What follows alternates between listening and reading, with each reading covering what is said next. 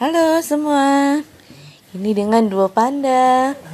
Kali ini kita mau coba ngomongin tentang uh, cukur rambut di kala coronavirus.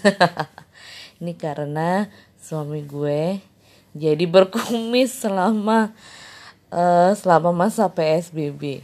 Ya, kita coba um, apa ya dengerin pendapat dari sisi cowok apa sih arti kumis buat para laki-laki itu. Kita hadirkan narasumber yaitu suami gue sendiri. Coba Abi eh suaranya melenguh-lenguh gitu. Coba dong apa sih uh, makna kumis bagi para laki-laki? Enakan tidur daripada ngomong